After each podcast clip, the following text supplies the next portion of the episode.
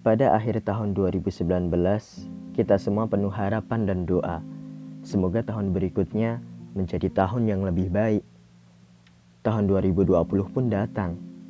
Ternyata ia tak datang sendirian, melainkan bersama rentetan bencana dan duka.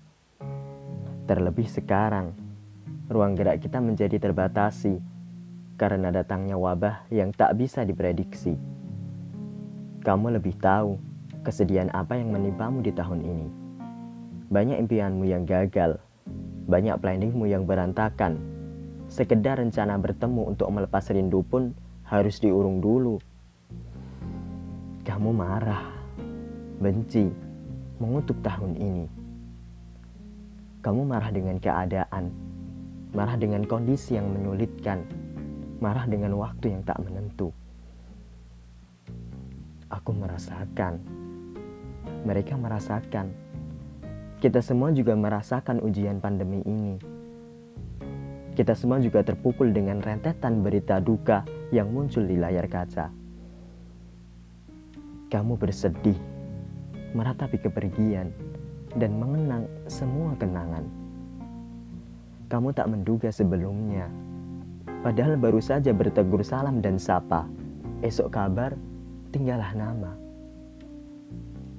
Aku berduka, mereka berduka, kita semua juga berduka, merasakan kesedihan ditinggal oleh orang-orang yang meninggalkan kenangan di benak kita. Tapi aku pengen kita semua tahu pesan indah dari Rasulullah Shallallahu Alaihi Wasallam. Maka sungguh menajubkan keadaan seorang mukmin.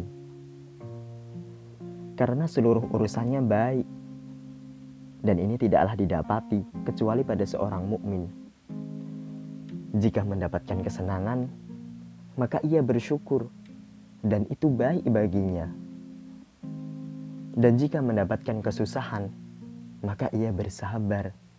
Itu pun baik baginya. Hadis riwayat Muslim.